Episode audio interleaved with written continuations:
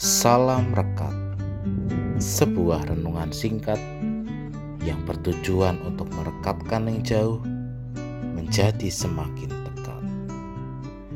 Rekat hari Selasa 8 Juni 2021 diberi judul Berharap lalu mengeluh.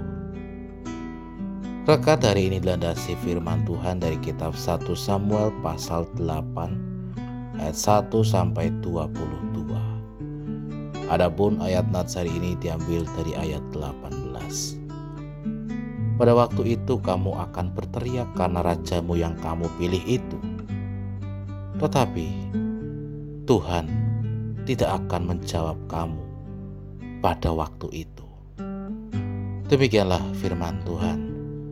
Berbahagialah setiap orang yang mendengarkan firman Tuhan dan memeliharanya Haleluya. Di saat kehidupan kita menghadapi berbagai macam dinamika kehidupan manusia, kemudian berharap memohon pertolongan Tuhan. Namun, pengharapan yang dimiliki oleh manusia pun berubah seiring berjalannya dinamika kehidupan ini. Misalnya di saat kekeringan, panas, dunia ini, manusia berharap supaya Tuhan dapat menolong manusia dengan cara memberikan hujan, supaya dunia ini tidak kering tidak panas dan tidak gersang. Namun di sisi lain ketika Tuhan telah memberikan hujan, namun hujannya menyebabkan banjir dan tak kunjung reda. Manusia pun kemudian kembali berharap supaya Tuhan dapat menolongnya.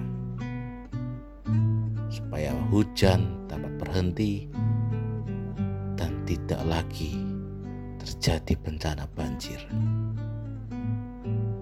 Gambaran ini sama seperti bacaan kita di dalam firman Tuhan yang menceritakan bagaimana bangsa Israel yang ternyata telah ditolong oleh Tuhan untuk keluar dari tanah Mesir. Yang kemudian mereka berdiam di tanah Kanaan dan dipimpin oleh para hakim. Namun terjadi masalah karena para hakim yang memerintah itu ternyata tidak selalu bersikap adil dan juga jujur. Karena itu mereka kemudian menuntut Samuel yang saat itu menjadi hakim supaya ia mengangkat seorang raja bagi mereka. Mengapa mereka meminta Samuel untuk mengangkat raja bagi mereka? Sebab bangsa Israel beranggapan bahwa kehadiran raja akan menyelesaikan persoalan bangsa Israel. Namun Samuel memperingatkan bangsa Israel bahwa tentu pastilah akan ada konsekuensi yang akan diterima atas permintaan tersebut. Namun yang terjadi bangsa Israel tetap bersikeras untuk meminta raja kepada Samuel. Saudara-saudara yang terkasih dalam Tuhan. Firman Tuhan saat ini mengisahkan dan menceritakan kepada kita bahwa setiap hal kejadian yang kita alami dalam kehidupan kita memiliki berbagai macam sudut pandang. Karena itulah mari kita jangan pernah melihat hanya dari satu sisi saja.